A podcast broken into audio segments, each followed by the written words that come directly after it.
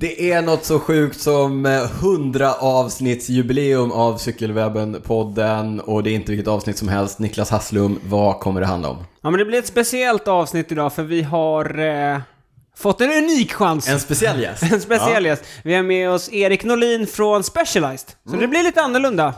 Mycket annorlunda. Men som vanligt kommer det bli sjukt bra. Fantastiskt bra. Avsnitt 100, nu kör vi.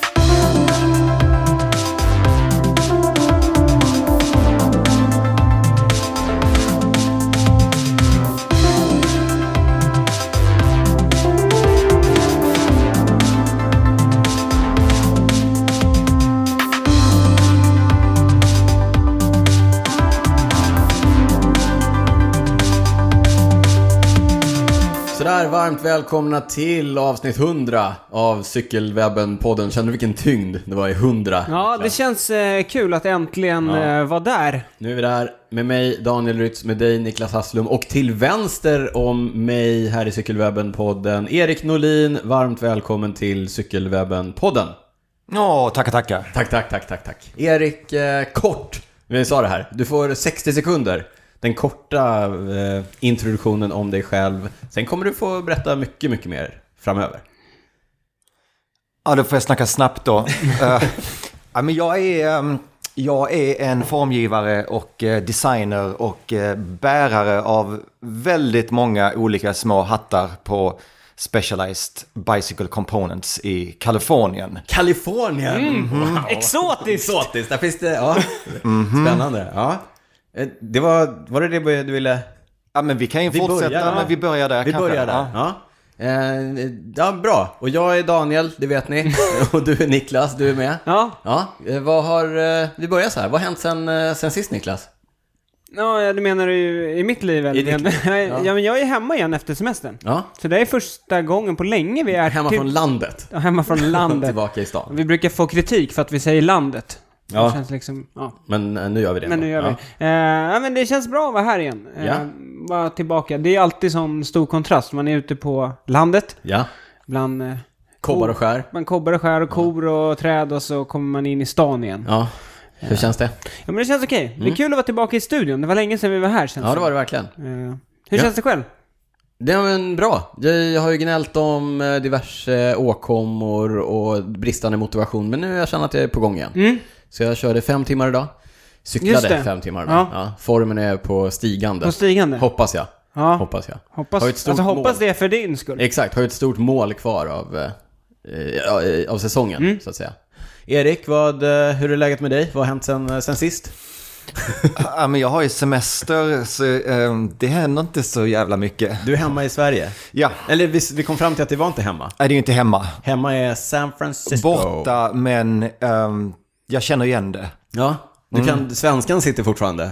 Du har inte lagt det till med en sån eh, Dolph Lundgren... Um, um. eh, Dolph Lundgren Nej, accent. men jag, det kan ju bli lite svengelska här. Ja. Det får ni vara beredda på. Det, jag brukar stå för svengelskan, så att det är skönt att Svordomarna sitter ju där dock.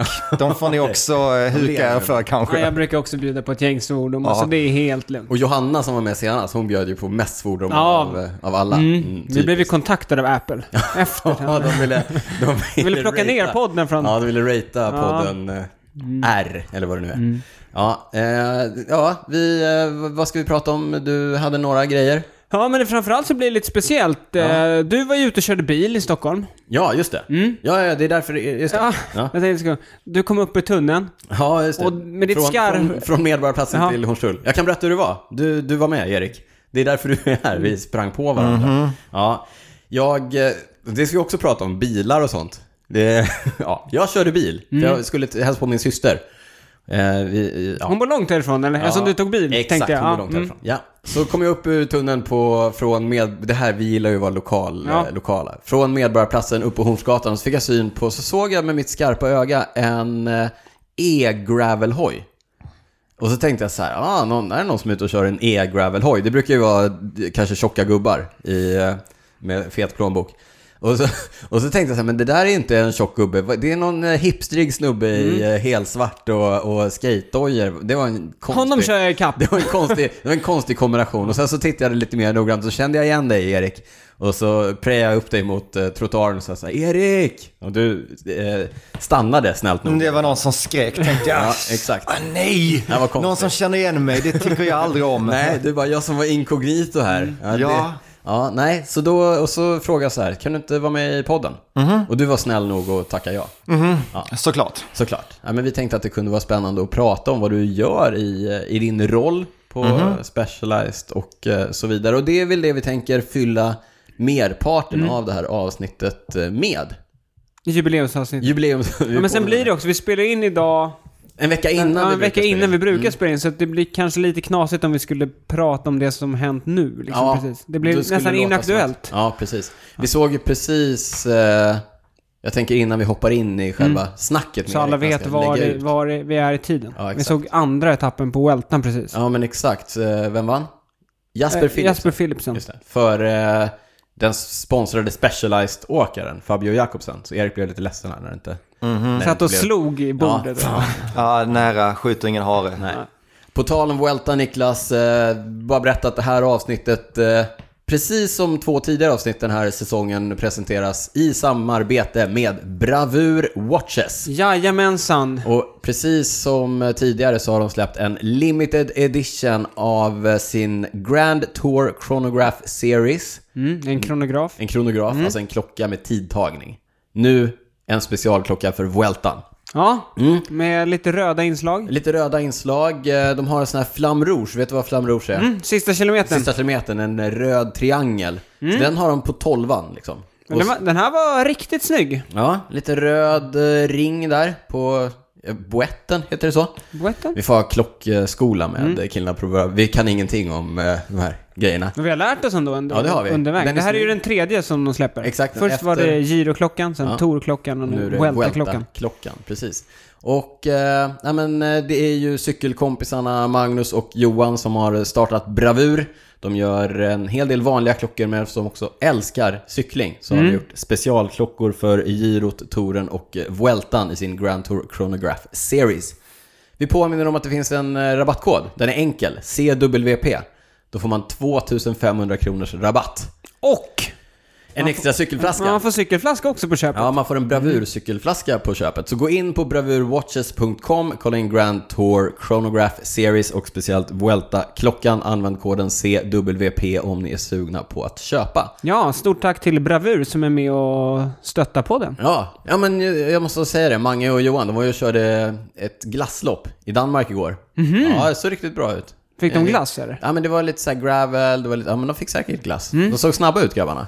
Alltså en, inte... en liten applåd till namnet också. Om man har bra ur, det är ju faktiskt... Bravur, ja. eh, ja, men, Med bravur Ja. valde de det namnet. Ja. Ja. Du har ju ändå bott i Göteborg. bra jobbat. Du har ju ändå bott i Göteborg, så att du har ju lite av, eh, så att säga, ordvitseriet i dig kanske. Det sitter. Ja, det sitter.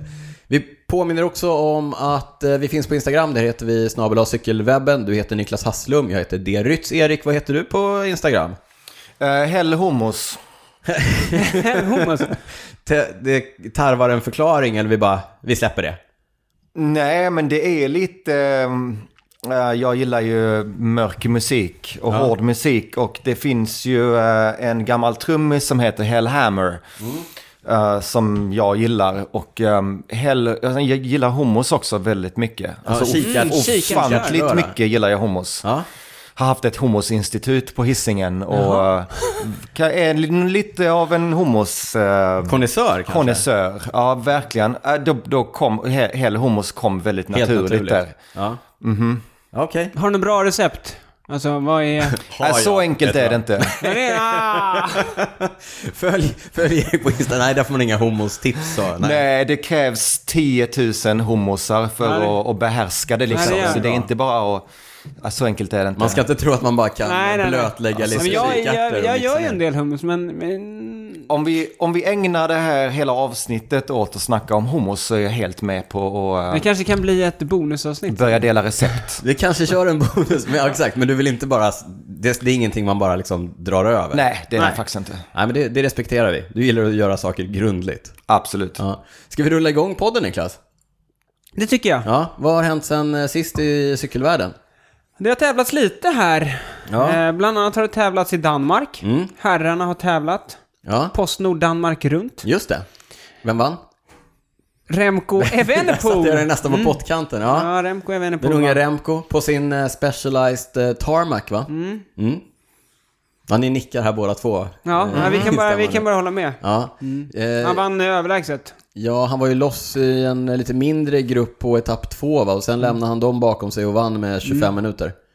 Ja, inte riktigt, Inte men 25. nästan. Ja. Ja, han höll ju på att vurpa också. Han har ju haft lite problem med att köra ut. Han körde in i skogen. och Han sen- körde rakt fram i en kurva. Ja, och sen vände han och kom ikapp klungan och sen lämnade han klungan bakom sig. Sjukt Han varvade ju också. Det var ju en varvbana. Så han kom ju ikapp Just några. det, klungan. Ja. Jag såg att han kom ikapp eh, sin lagkompis Shane Archibald. The Flying Mullet. Ja.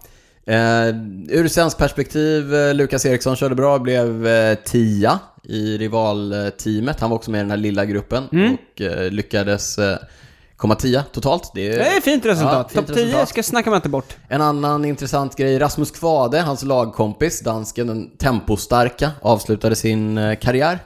Kvade, jag tyckte att det var lite roligt, jag eh, snackade om det här innan.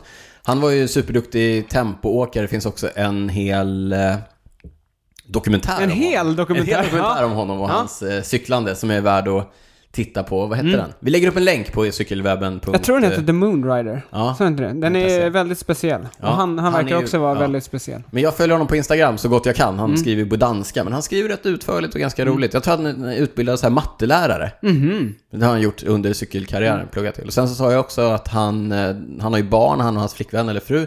Så han kombinerar liksom träningen med dagislämning och sådär. Och då gör han det på en sån här eh, cargo bike. Mm.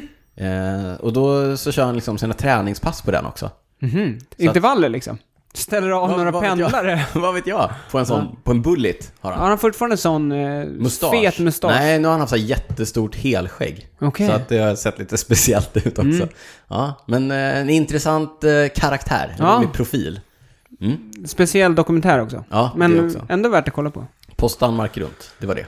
Ja, har vi något mer? Ja, men sen har det tävlats lite eh, runt om. Damerna har kört en World Tour-tävling i Norge. Ja. Mm. Där Annemiek van Vleuten vann. Stort. Eh, hon, hennes form häng, håller i sig. Och där hade vi också lite eh, svenska som körde. Ja. Caroline Andersson och Sara Penton var där och körde. Mm.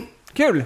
Gick det bra? Hur gick det fram då? Ja, men eh, Hjälper de vann inte i alla fall. Nej, det de vann inte. Ja, Eh, och sen kan vi väl också nämna, eftersom Erik är här, eh, Jao Almeida Ja. i The König Quickstep vann eh, Polen runt. ja. Inga incidenter. Nej, men det är ju lite intressant. Han ska ju lämna Quickstep. Han ska ju gå till UAE nästa år. Ja. Ko- Colnago istället. Mm, Colnago. Ja. Fälgbroms, Eller? bland annat. Ja, bland annat. Ja, ja. Eh, Men sen kan vi väl ändå säga, Vuelta i Spanien igång. Mm. Men det blir ju lite, som vi sa, det är andra etappen kördes idag. Det kommer ju bli lite inaktuellt när vi pratar om det idag.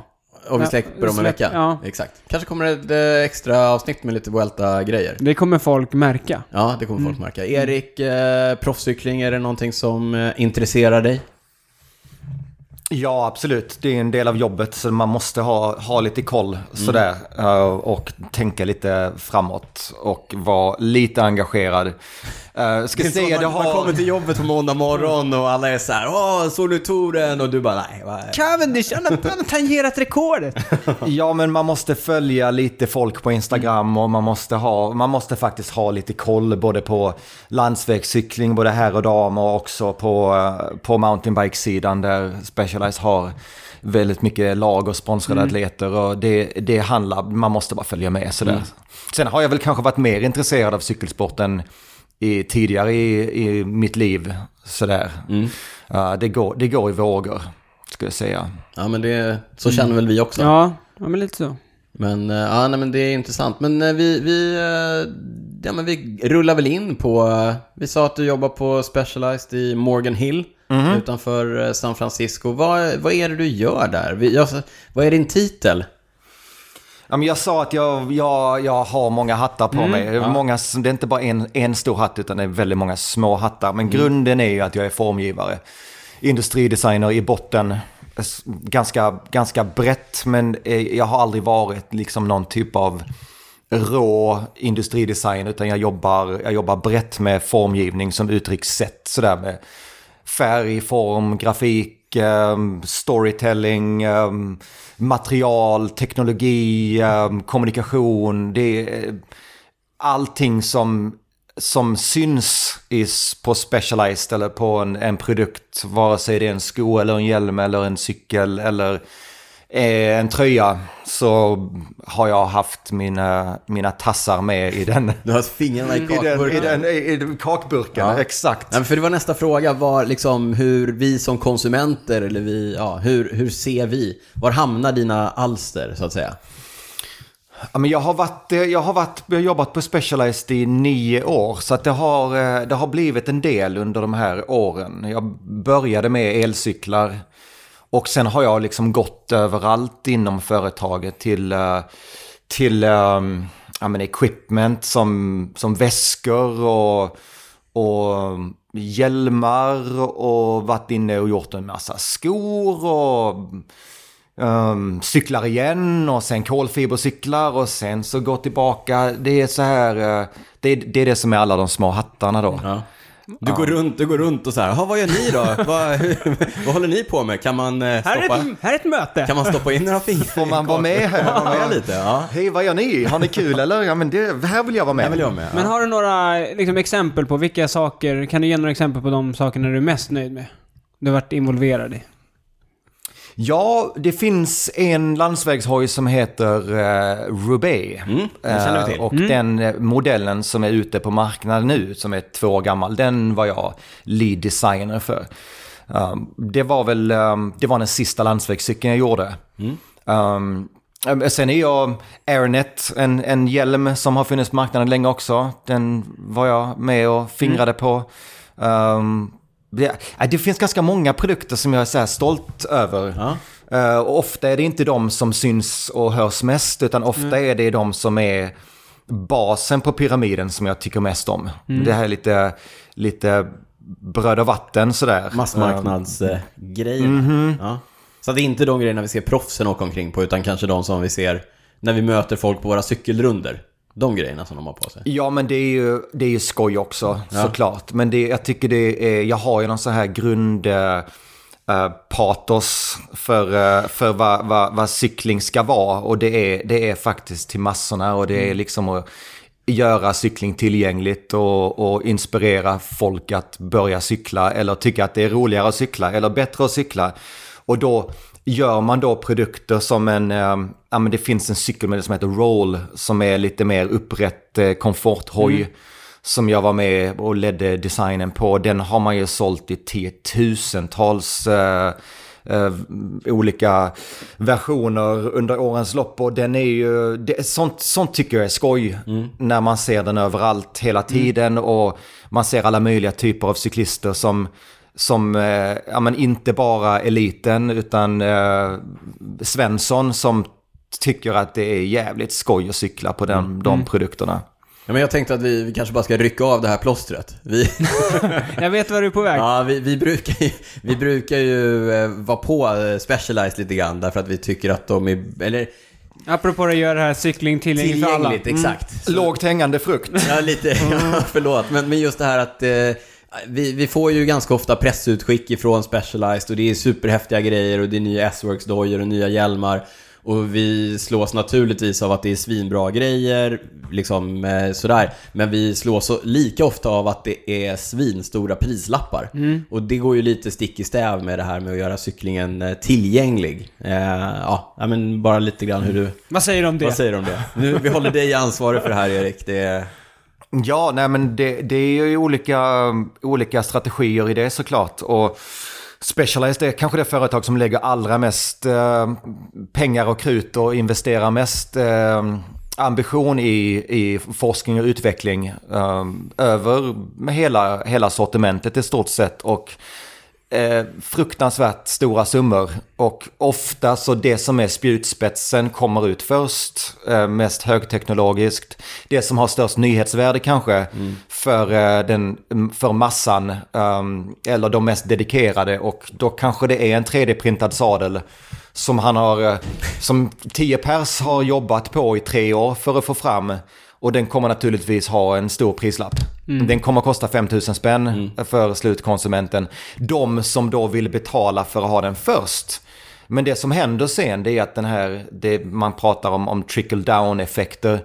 Och det som händer att det man har lärt sig i det utvecklingsprojektet det kommer ju att, att gagna produkter längre ner på prisstegen. och rätt vad det är så är det en, eh, en 500 kronors eller 1000 kronors sadel som har influerats av den 5000 kronors sadel. Det, det ser vi på, på skor, det ser vi på hjälmar, det ser vi på egentligen allt.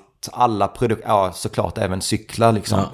Men det är ju ingenting, precis, men det är heller ingenting som man kanske skickar pressutskick på. Nej. När man säger så här, nu släpper vi en sadel för tusen spänn. Som liksom, där vi har lärt oss massor av den här 3D-printade sadeln. Nej men precis. Men, Då får man ingen tid i podden. Nej, då får man ingen tid. Nej, Nej, exakt. precis. Vi får väl ta på oss det då, Niklas, att vi är dåliga på... Ja. killar som ni, ni gillar ju, ni gillar ju prylar och när man då säger hej nu släpper vi en 5000 kronors sadel då säger ni Nej nu jävlar. Och sen så har man, har man vunnit redan där för att ja. om det sticker i ögonen så, så är det ofta bra. Att all, all uppmärksamhet är bra uppmärksamhet. Och sen så får man ju ha någon liten motvikt till det sen så att man inte bara blir den där eh, S-Works eh, högsta prislappen vinner mentaliteten eller, eller företaget utan ehm, det, det är ju klart att, det, att man vill flagga med spjutspetsen såklart och, och leda med innovation och, och ehm, släppa det först och kunna slå sig på bröstet och faktiskt göra cykling bättre och göra produkter bättre. Um, innovation är någonting som Specialized alltid har, har lagt jättemycket pengar på och, och effort. Innovate or die. Ja men det exakt. Ja, det, det är är, det är nummer ett i, uh, i budorden. Men sen är det ofta inte där som, som de riktiga pengarna eh, hovas in. Utan det är ju bara det som får vara först och leda. Det är liksom näsan man sticker ut där och sen så är ju basen det som faktiskt är viktigt. Det är lika mycket att bygga varumärke som att driva försäljning när det handlar om de eh, prylarna. Och sen så drar man nytta av det. Men både, nu svarar jag på det här, både ur innovationen men också av uppmärksamheten som man får såklart. Absolut. Och jag tror att man måste sticka ut näsan ibland och, och um, göra avancemang i, i produkt och utveckling och sen, så, sen kommer alla andra följa efter.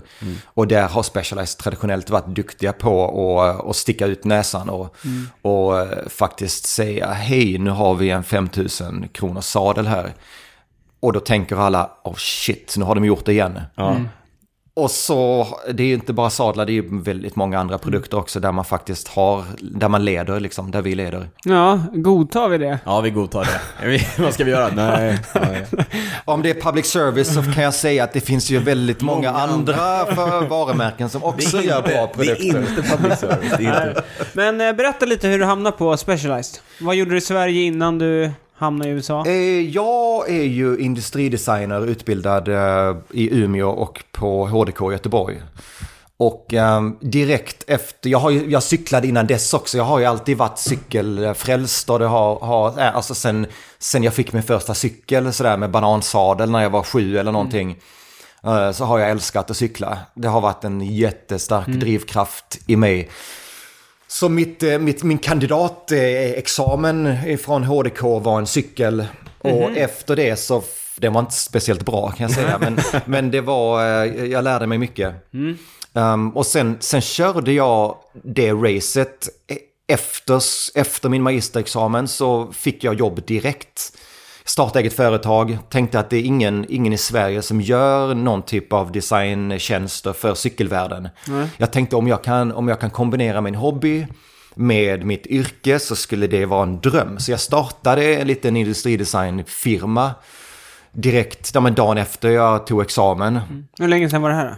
Ja, det här är ju eh, 2007, 2008 kanske, något sånt. Så det är ändå, det är ändå några år sedan. Men direkt så fick jag in lite svenska kunder i, i cykelsvängen som faktiskt är ganska en liten damm i Sverige som med, med ganska många små aktörer i. Men Sportex eh, omfamnar mig, Sportex vd eh, tog in mig och sa nu får du hjälpa oss här. Så det, var, det blev en sån kund som det blev. Jag lärde mig jättemycket. Jättebra eh, kund att ha. Jag kunde cykla jättemycket och jobba lite. och, Det låter som ett bra jobb. drömmen. Ja, Ja, men det var verkligen bra. Och sen så hände samma sak med Stadium när de skulle lansera cykelvarumärke. Ja. Eh, det som heter Okano, om det fortfarande Just det, finns ja. kvar. det finns nog fortfarande. Men det, det I var i samma... alla fall på hjälmar, vet jag. Mm. då ringde de eh, Norlin också. Och sen så var jag där och hjälpte dem och, och sätta upp det varumärket. Och sen, sen blev det liksom på den... eh, Ja, men då, då, var jag, då var jag cykeldesignern helt plötsligt. Och... ehm, och sen hände massa i mitt liv. Frugan brände ut sig, morsan dog och det var, det var dags för ett, eh, ett, ett break. Så vi beslutade oss för att ta tjänstledigt. 2011 tror jag det var. Cykla över USA tänkte vi vi skulle göra. Ingen hade egentligen touringcyklat innan Nej. men vi slängde oss ut till, till Austin på två Surleys och eh, skulle vara ute ett år och bara, bara följa våren norrut och cykla. Så vi gjorde det. Um, Ni hade allt på hojarna liksom. allt, verkligen. Verkligen, vi hyrde ut lägenheten, um, packade allt i fyra panniers och eh, började i Austin i februari, cykla norrut. Um, fantastiskt, det, det borde alla göra. Ja, hör ni det nu? Alla, köp varsin Surly. Ta, ta tjänstledigt, dra ut och hoja. Ja. Ehm, och på den resan någonstans så tänkte vi att vi skulle cykla någonstans nordväst ut. Och eh, jag tänkte att jag skulle besöka lite cykelföretag på vägen på västkusten. Och titta väl uppe så här från norrut vad det finns där. Och sen kom jag ner till Kalifornien och sen så Specialized, ja de ligger där. Så vi kom till Arizona, till Flagstaff och där gick jag in på nätet, fick täckning någonstans och det snöade så vi, vi tog in på hotell och jag tittade på Specialized hemsida och där fanns det en liten flik som hette Careers eller Dream Jobs eller något sånt här. Och där var det en, en, um, en jobb... um, Ja, men en post som, som det var, som det var, det var någon som hade skrivit den som kände mig. Det var skrivet rakt till mig. Då ville de ha Heter en... du Erik så är Ja, men de ville, ha meriterande. en, de ville ha en lead designer för Globe, som då var ett litet systermärke de hade. Ja, just det. Sånt eh, urban... Ja, men eh, precis. Ja, lite citycyklar. Och då skrev jag någon kaxig ansökan om att jag kunde mer om cyklar än de flesta. Och eh, det var ju, mm, vi skulle nog träffas. Och sen ringde de bara dagen efter. Och sa, okej, var är det någonstans? I Flagstaff. Okej, det finns en cykelbutik här. Gå dit, packa ner hojen, så flyger vi hit dig dig imorgon. Nej, sa du det? Ja, Fan, och ehm, då gjorde vi det. Vi vill ändå kanske inte cykla genom Nevada. Det, för- exakt, det snöar. Ja men det precis, det var blåsigt och det var lite för kallt och det är bara öken och det är... Vi tänkte då flyger vi till Kalifornien så betalar de resan, skitsmart. Och när jag kom till Specialized då så var det en heldagsintervju, det hade jag ingen aning om. Men då var det, fick man träffa Mike Sinyard, ägaren och sen... Grundaren och Grundaren och så fick man träffa hela designteamet och, och fan och hans moster och rätt vad det var så... Plötsligt så var du jag- där. Jag blev erbjuden jobb där. Ja. Och Alltså sa, i samma sväng när du var där liksom? Ja men samma dag. Ja. Ja, för då hade de letat efter mig Ja. utan att veta, Veta att jag det. fanns såklart i flera månader. Jag har inte hittat någon som... Jag kunde liksom cykling i Europa. Jag kunde den delen av cykling som inte är sporten cykling utan som är mer vardagscykling och eh, urban cykling och, och pendling och hela den grejen. Det är som en livsstilen cykel istället för sportens cykel. Just det. Och det är inte så många som är bra på det. Så där, då, jag fick ett jobberbjudande direkt på så här stående fot. Hur Och- länge hade ni varit ute på er resa? Nej då? men bara tre månader, så det blir ju helt fel där också. Och Sofia, min fru, sa liksom aldrig i livet, det här är för tidigt. Och hon var ju fortfarande Jag ska trasig cykla och- nio månader. Vi kommer tillbaka om nio månader. Ja. Jo men det, det, var, det var det vi sa sådär, okej men eh, jag säger nej nu men eh, ring mig om, jag ska, ha- vi behöver tre månader till, vi behöver tolv veckor. Kaxigt ändå liksom våga tacka nej till ett sånt erbjudande. Ja, men det var, ju, det var ju, vi var inte färdiga heller. Nej. Det hade bara blivit för tidigt, det hade inte blivit bra. Eh, Så vi fortsatte upp och cykla genom hela Sierras och The Cascades och kom upp till Portland och var där i en månad någonting och sen så cyklade vi hela Highway 1 ner till, eh, till Morgan Hill. Och då började jag jobba. Men hade du skrivit på eller? Ja, någonstans i en snödriva vid Crater Lake där det fanns täckning skrev jag på kontraktet. Stod där med snö upp till knäna och löneförhandlade och eh, ehm, de var också väldigt naiva. De hade inte anställt jättemycket utlänningar innan och eh, det gick ju inte så som de hade trott. För att när jag kom dit så började jag jobba olagligt i Kalifornien. Utan visum och eh, de fattar ju också att det gick inte att... Så här kan man inte göra Det gick riktigt. inte att få ett visum sådär och då sa de okej men v- vi kan tyvärr inte anställa dig för att eh, det är lite svårare att få visum än vad vi hade trott. Men eh, vi har ett designkontor i Schweiz som vi precis ska sätta upp här för där gör vi elcyklar och där skulle du kunna bara jassa ner och börja jobba. Cyklar du dit då så? Exakt. Ja. Du bara, San Francisco, Schweiz. Ja. Så efter Säg, sex säg. månader på, på vägen, vi cyklade ju ändå 900 mil så det var ju ändå, det Ni var kom ju en ändå, bit. vi kom en bit. Alltså. Eh, och kände så här, men då fortsätter vi äventyret i Schweiz och cyklar alper och hajkar istället. Så blir det ändå en fortsättning och så, så flyttar vi dit hux flux. Eh, jag packade ihop alla mina grejer i en liten bil i Göteborg och tre cyklar på taket och körde ner till Eurobike och började jobba därifrån. Så Den största vi... mässan i eh, Ja cykelbranschen. men precis, ja. precis. Eh, och det här var nog 2012 då tror jag. Um, och sen så eh, var jag där ett år och de ansökte om visum och jag jobbade på, försökte göra Globe e-bikes och eh, sen så höll de vad de lovade och jag flyttade till, med, med Sofia till San Francisco och där har jag nu varit i åtta år. Och jobbar kvar på Specialized. Ja. Härligt. Ja.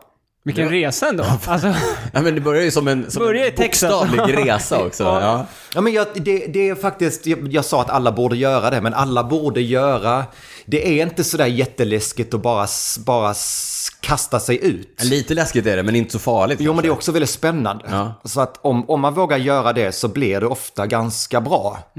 Jag, ti- jag, jag, var, jag var väldigt tidigare i livet var jag duktig på att säga nej. Och var sådär, var lite så här, mm, men kanske. Och sen så, den resan lärde mig att säga ja till sånt som är lite läskigt. Och sånt som är det, det, det unknown, det, det ov, ov, vad säger man? Det okända. Ov, okända. Vissa. som att vara med i en podd. I podd, exakt. Hoppa på, eller hoppa på ett jobb på Specialized Ja. i, i Schweiz och bygga e-cyklar. Ja, men då säger jag ja. Ja. Och sen så eh, misslyckas man så är det också en del av, eh, av en, en, en utveckling och en, Av resan. en resa. Ja. Um, och jag tror ju mycket på det, det är lite amerikanskt det här att man ska misslyckas och man ska, man ska växa genom att, att fejla och misslyckas. Men jag, jag tror det är bra. Vilka, miss, vilka projekt har du misslyckats med på Specialized? Och man misslyckas ju med hälften av alla projekt. Ja. Absolut. Vilka, men så här då, vilka, du, du berättade om Roubaix, den är ute och den är en succé, den eh, funkar bra. Eh, vad är det som liksom, vad, har du inte fått ut som inte har varit bra? Har du något exempel du kan bjuda på? Nej men ibland är det för bra. Ibland så är bara inte marknaden redo. Så Nej. ibland så lägger man ner två år på ett projekt som eh, vi, vi, vi satte igång ett ganska stort äventyrsprojekt med Specialized Adventure Gear som jag var, eh, jag var drivande i och, och vi, vi byggde upp en massa äventyrscyklar och väskor och och eh, det, i och med att Specialized är så stort som det är så måste man också mäta framgången i, i pengar Kronor projicerade liksom på storleken på företaget. Och, och då blir det ganska relevant att, att mäta vad, hur framgång ser ut. Och om man då är lite för tidig på bollen kanske som är äventyrssegmentet så, så frågar man sig själv så här, det här går ju ganska långsamt och det blev kanske inte så bra som vi hade trott. Även om produkterna är jättebra. Så eh, får man då inte stödet inifrån, ifrån mm, Spanien och Italien och, och Sydkorea så, eh, så är det ingen succé trots att produkterna är jättebra. Och sen så är det ofta så att då kanske man lägger ner den satsningen för att man är för tidig. Och tre år senare så kommer, kommer hela gravel och äventyrscykling liksom. Ja. och boomen och då sitter man där lite med snoppen i handen och tänker så här, ah, wow, eh, det blir fel. Ja. Och där har jag faktiskt gått på pumpen eh, några gånger. Du har varit för tidig helt Jag enkelt. har varit för tidig. Du har inte Jag- haft fel. Jag har varit för, jag har varit för hipp och sen har jag lyckats sälja min eh, Snake Oil till många som har trott på mig. Mm. Och sen så eh, får man lite bita i det sura äpplet sen när den här staminan, det är ändå konsumtion man pysslar med på ja. ett sätt och det är, det är ju produkter. Och eh, ibland så är man för tidig på bollen och att cyklister och eh, marknader Cykling är ju väldigt, det ser väldigt olika ut på, eh, runt jorden. Man tror att det är en, ett homogent landskap. Men där, där någonting är skitpopulärt i Stockholm så funkar det inte alls i Milano. Eller det funkar inte alls i uh, Sydamerika. Och något man tror är fräckt i San Francisco funkar inte alls på östkusten. Och det är, det, ibland så blir det ganska ljummet kan man tycka. Eh, för att man måste anpassa sortimentet till en typ av global världssyn. Och är man för nischad på ett litet produktsegment så, så kanske det inte blir så bra som man... Ja, men det, det måste ju vara en utmaning på ett, på ett så stort företag och så globalt företag som eh, Specialized. Att det är svårt, man kan ju inte nischa sig på en, en superspecifik produkt och vara tidig i det. Utan man måste ju nå ut till den stora marknaden liksom. Ja, men gör, gör, man, eh, gör man, är man ett svenskt företag och man gör lastcyklar och säljer 2000 om året så är det en stor framgång. Mm. Men om man skulle sälja ja, men 2000, alltså vi, vi, har ju, vi har ju enskilda hojar. Uh, I en storlek. Som, som säljer, I en storlek som säljer så här 65 000 av, av en modell mm. per år. Och, ehm, och då, då är det för att det är en global framgång ofta. Du, vilka är de stora trenderna som du ser i, eh, i branschen nu? Uh, gravel, gravel, gravel, gravel. Och så lite, gravel. och så lite elcykel, eller? Och lite elgravel. El ja. Ja. Li ja, men lite så. Mm. Nästa fråga. Nej, men det, det, det, finns väl lite makrotrender som, eh, där gravel är en del av det. Mm, och sen så, sen en annan är ju som blev tydligt under coronaepidemin tidigt att och globalt sett när, när um, lokaltrafiken, tunnelbanan, bussarna, när, när folk inte tyckte att det var så mysigt att sitta inne i de här coronatuberna och, och dela luft med varandra så började väldigt många mer cykla. Mm. Uh, det såg man på, på New York till exempel, där hela, hela tunnelbanan stängde ner till exempel. Mm. Att folk tog fram sina gamla hojar som de inte hojat på, på 12 år och fick uh, smörja kedjan. Och mm. I, Frank I, Frankrike fick man ju till och med bidrag från staten för att uh, rusta upp sina cyklar. Ja, man, just det. Man fick bidrag för att ja, lämna in det på service. Reda pengar ja. för att... Ja. ja, och de, de cyklarna som sålde ut först var ju de som inte kostade så mycket. För Nej, att det var... Rakt styre och aluminium. Ja, men sjukvårdspersonal som jag måste komma till jobbet nu för jag måste jobba. Mm. Uh, så essential workers säger man i USA. Det, mm. var, det är de som håller igång samhället. Mm. De ville också ha lite billigare cyklar, lite, lite pendlingscyklar, cyklar man kunde låsa fast utomhus. Alltså inte de här hundratusen landsvägshojarna. De röker ju också för det var de som fanns kvar sen. Alla mm. cyklar sålde ju slut. Ja. Men det blev en boom på lägre prissatta cyklar som folk kunde pendla till jobbet på. Mm. Så det, och det, den trenden håller ju i sig Ja men det var det som var nästa fråga. Kommer det hålla i sig? Kommer folk fortsätta cykla liksom, till jobbet när man har fått smak för det? det... Ja, för att det har ju också blivit en, en, en samhällsomvälvande trend som har kickats igång av coronan. Som Paris till exempel som bara säger nu fan kör vi. Där har vi velat göra det här och bygga om stan ifrån totalt mm. bilmayhem till en typ av cykeldriven eh, ekonomi och mm. stad som är lite mer levnadsbar och lite mer hälsosam för fler människor. Så coronan har ju satt igång värsta cykelboomen i, i Paris och många andra städer i världen faktiskt också. Hur ser det ut i San Francisco då? Alltså cykel... Eh, day ja, liksom, commuting, ja, infrastrukturen. Ja. Det är såklart, men... alltså det varierar ju såklart i alla olika stater men... Ja, det är ju... Portland är kanske bäst i, i, um, i USA på, tillsammans med några andra städer också. Men då, då är väl drygt 12, 12 14, 15 procent av alla cykelresor Um, eller alla, alla resor, dagliga resor är cykelresor. Och San Francisco ligger någonstans på 7-8 kanske. Mm. Sen har det ju gått upp jättemycket under, under coronan, mm. men det kommer också gå tillbaka lite sen. Mm. Men om man tittar på, på Köpenhamn och, och nu även till och med Stockholm som det har hänt otroligt mycket under, under bara de här sista två åren på hur många som faktiskt cyklar. Mm. Jag brukar ju eh, lägga ut jätteroliga stories på min Instagram när det står, alltså det är så mycket kö ner för Götgatan, nu är vi en så här lokal, alltså det är så mycket cykelkö ner för Götgatan mm -hmm. att alla kommer inte förbi ett rödljus. Mm -hmm. Utan när man står i kö och så, mm. så blir det grönt och så måste man ändå stanna för nästa mm. gång det blir rött. Så mycket det folk är det ju på Världens sämsta cykelkorsning också. Jo, det är det ju. Mm. Men så var det ju inte för bara några år sedan. Nej, precis. Det kommer att bli bättre också. Ja. Det, är, det är ju knas nu. Det är ja, ja. kajko, men det kommer att bli, det kommer att bli bättre. Mm. Men det är ett lyxproblem också. Mm. För att det är ju, Stockholm har ju också satsat jättemycket på att faktiskt eh, omprofilera sig till att vara mer. Det är en väldigt liten stad till ytan, den är faktiskt väldigt platt också. Ja. Och jag bara... Ja, jämfört med San Francisco. Ja, men det var ju två år sedan jag var här, men det har hänt fruktansvärt mycket positiva ja. grejer. Där San Francisco inte, inte har börjat den resan, man är fortfarande väldigt bilburen. Mm. Och eh, det är också en mycket starkare jag-kultur. Nu kanske Stockholm är bra på det också, mm. att jag ska ha min jävla vissa SUV. Delar, vissa delar av Stockholm är bra mm. på det.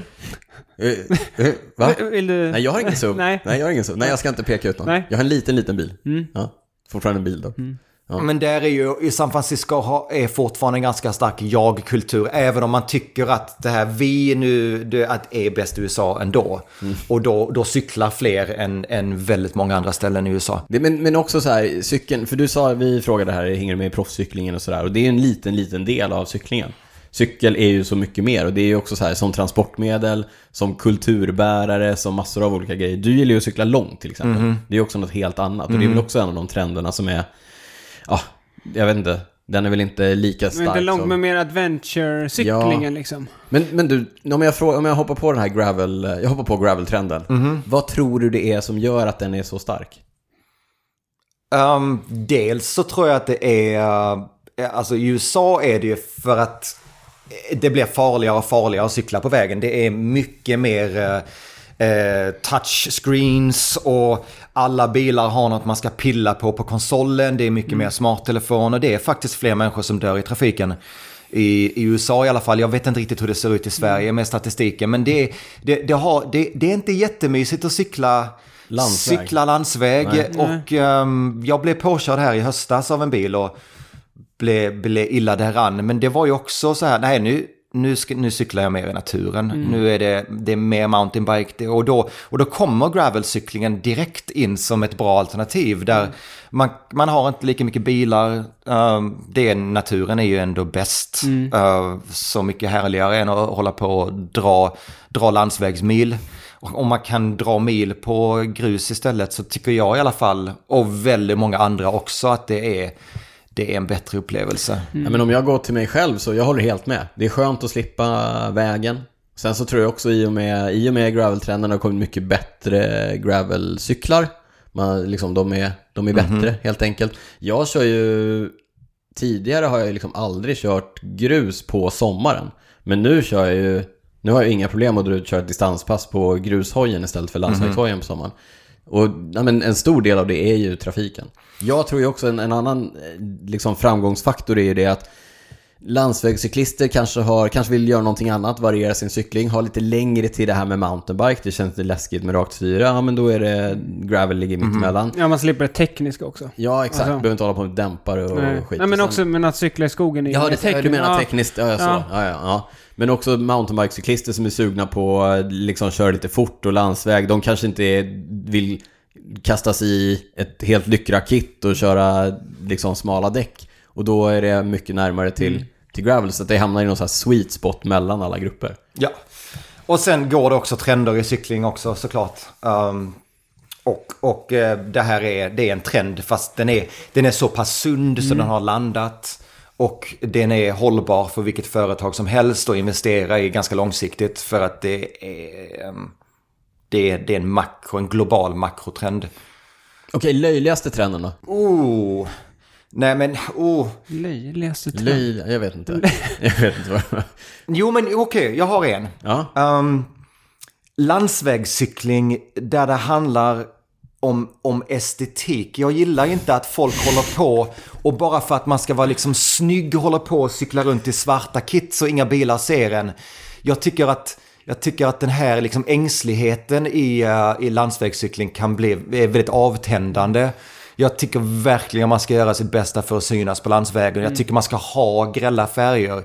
Jag tycker man ska göra, man gör sig själv och sin familj, sina barn, sina nära och kära en tjänst om man är ocool och har highvis på mm. sig, har reflexer på sig, har lampor på sig.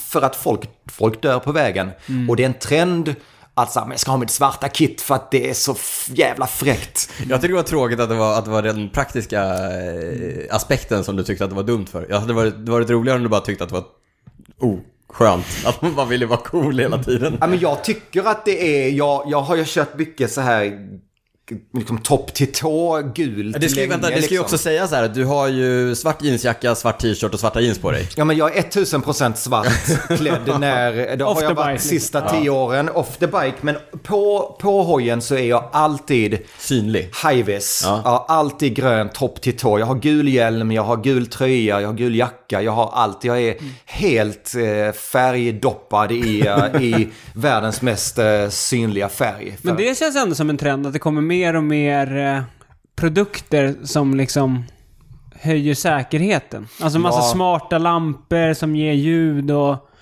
Ja, massa Som man ser bakåt med ja. och så vidare. Ja, men jag kommer ju från randonnörsvängen och så här långdistanscykling. Och ja, då ska och det vara neonväst. Liksom. Och då, då, är, då har det alltid varit att man ser ut som en vägarbetare bara för att det är praktiskt. och där är man inte riktigt längre. Där, nu finns det, nu har nästan alla varumärken en, eh, en, en liten del av kollektionen som är mycket mer synlig. Och där mm. tycker jag alla lyssnare ska bli lite bättre på mm. att uh, anstränga sig. För att det är faktiskt uh, både för en själv, som jag sa om familjen också, men också för bilister. Det är inte så jävla kul att köra på någon. Nej. För att man inte ses, man inte syns. Och det är faktiskt... Men det såg fett ut på Insta. Mm. Ja, ja men exakt. Det var snyggt och strumporna var rätt ja, längd och, och, benen glänste och det, var, det, så, det såg snyggt ut. Men, äh, ja, men speciellt i Sverige där det finns, det är säsongerna, eh, det finns mycket gråväder mm. och ganska mycket mörker både, både på, på hösten och på, på vintern. Um, lång, långa mörka dagar. Mm. Mm. Se till att synas där ute. Jag har ju orange hjälm. Den syns mm, jättebra. Ja, nu. Ja. Mm. ja, ja. Ja. ja. Lampa på dagen har vi börjat köra Lampa ibland. Ja, exakt. Mm. Lampa på dagen är bra. Ja. Det har vi ju Bontrager. Mm. Ja. Känner, du känner till Bontrain? ja. Nej, faktiskt inte. Vem? Vem? Men det... Eh, berätta lite om din egen cykling då. Vad... Ja, men nu cyklar... Du nämnde randonnörcyklingen här. Ja, nu cyklar jag inte längre. För nu, jag blev påkörd i uh, oktober och sen då, då tappade jag lusten för att cykla. Så det där, men det kan vi snacka om. Det är en helt annan, en helt egen episod mm. kanske. Men fram tills i oktober så cyklade jag allt, alla typer av cykling. Så det var, för att jag, jag cyklar ju um, alltid. Du kollar vilka cyklar som finns på kontoret och sen så? Ja, nej, men jag, jag har cyklat jättemycket velodrom. Jag cyklar eh, eh, fastnav även på, på lunchrundarna på mm. Specialized. Och, och tycker att det är en väldigt bra träningsform. Och jag älskar mountainbikes, jag älskar cross, jag älskar gravel. Jag har inte varit inne så mycket i triathlonträsket men eh, kanske... Don't go there. ja, men det, jo men jag hade, hade jag, det, det är bara så mycket material. Man måste, det, det är lite hög insteg där mm. för mig. Men, men jag, jag älskar ju all typ av cykling. Men sista ska jag säga 15 år jag har cyklat mycket distans. Mm. Och det börjar ju som jag nämnde lite med med, med brevéer och mm. med randonnörcykling i Göteborg och med, med Hisingen CK och sen Paris, Brest, Paris och sådär. Det är liksom. långt. Det är långt. 60 eller? Nej, 120, 120? 120 mil. Paris-Brest Paris, 60. Paris, 60 ja, precis. Svårt med matte. Den, den hojade jag 2011. Mm. Och sen har jag hållit igång med långdistanscyklingen och, och det har blivit längre och längre och längre. Och äventyrscyklingen och uh, Transcontinental Race cyklade jag 2012, första årsgång, årgången. var 320, 300, 400 mil. Någonting sånt. Sen har ju, du har ju kört eh, Sverige-tempot. Sverige Length of Sweden. Precis. Det finns kört. också en dokumentär om. Ja. Ja, mm -hmm. snygg. Det finns faktiskt en dokumentär om både om Transcontinental och om... om ja, eh, Transcontinental äh, körde du med någon turkisk snubbe mm, -hmm, Recep. Ja. ja. Och samma filmteam gjorde faktiskt eh, Length of Sweden, eh, Sverige-tempot-dokumentären. Ja. Så den, den, de finns på YouTube, man kan kolla gratis. Ja, men det får vi länka till. Mm, mm. Det länkar vi till. På cykelwebben.se. Det blir filmklubben där. Ja. Ja, men det är gött. Redan tre dokumentärer. Men sen har det blivit en massa annat också, massa andra 1200 kilometers, 120 milare och Mm. jag cyklade North Cape 4000 som är från Italien till Nordkap. Men, Men det är ju den, det, det, det är den cyklingen som är osupportad, så man har inga följebilar. Utan man är, man är helt självständig, man, man bär på alla kläder, all Sover i mat, dike. allting, sover i en dike. Det är bara misär, eller? Sover på lastbryggor. Det är det som alla andra refererar till Type 2. ja. Refererar jag ju till som Type 1. Ja, ja, ja. För att även när det är ganska miserabelt eh, så tycker jag ändå att det är någon typ av Det är nice. härlig resa man får göra med sig själv. Det är gött när det känns liksom. Ja, men cykla i samma bib-shorts eh, i två veckor kan jag ju tycka är lite gött. Det där är verkligen allt jag inte är. Nej. jag har ju testat för första gången att bikepacka lite grann. Det var verkligen att doppa tårna i... Du, du, hade ju kom, du bodde på hotell och grejer. Ja, ja, ja. Jag vet inte om det räknas. Nej, sam, i, i jämförelse med det här så är det verkligen ingenting. Men just det här, vi var ute i tre dagar och körde runt Mälaren. Förlåt, Mm. skratta inte åt mig nu, men, Mhm. men liksom, ja. Eh, grus. Och då hade vi ju packat med oss eh, ja, men en uppsättning cykelkläder och en uppsättning off-bike-kläder Mhm. och så liksom tvättade Mm. as we went. Eh, jag tyckte att det var supernice. Det var ju också så här roligt för att bara på väg ut ur Stockholm och veta att jag kommer inte komma hem ikväll gjorde det till en helt annan känsla än vad det är att sticka ut på en distansrunda. Även om jag cyklade lika långt som jag brukar göra hemifrån. Men så här, bara vetskapen om att nu ja, men jag är på väg dit och jag ska vara borta i tre dagar. Ett helt annat lugn i cyklingen. Istället för att kanske sitta och jaga snitt och tänka att man ska hem och fundera på om man ska käka och så här. Mycket eh, lugnare. Så att eh, jag kan tänka mig att det är liksom, när man då gör det på riktigt, då blir det next level av den grejen. Absolut, men där är ju också som så här lite maktperson i cykelvärlden. Jag vill ju, jag vill ju göra cykling tillgänglig till folk och återigen till, vi nämnde det här, vad som är en dålig trend. Jag tycker ängsligheten inom cyklingen, att det är ganska elitistiskt, är otrevlig. Och där är bikepacking en sån, en sån grej där det är en ängslighet också. Att man måste köpa väskor för 7000 spänn för att ens kunna dra ut i naturen. Och så är det faktiskt inte. Nej. Om man bara skulle vara lite mer välkomnande och lite, kanske lite mer undervisande också. Ta någon i handen och säga kom, det är lugnt, kör nu. Det, det, det, det, går bra med, det går bra med en konken och ett par springskor.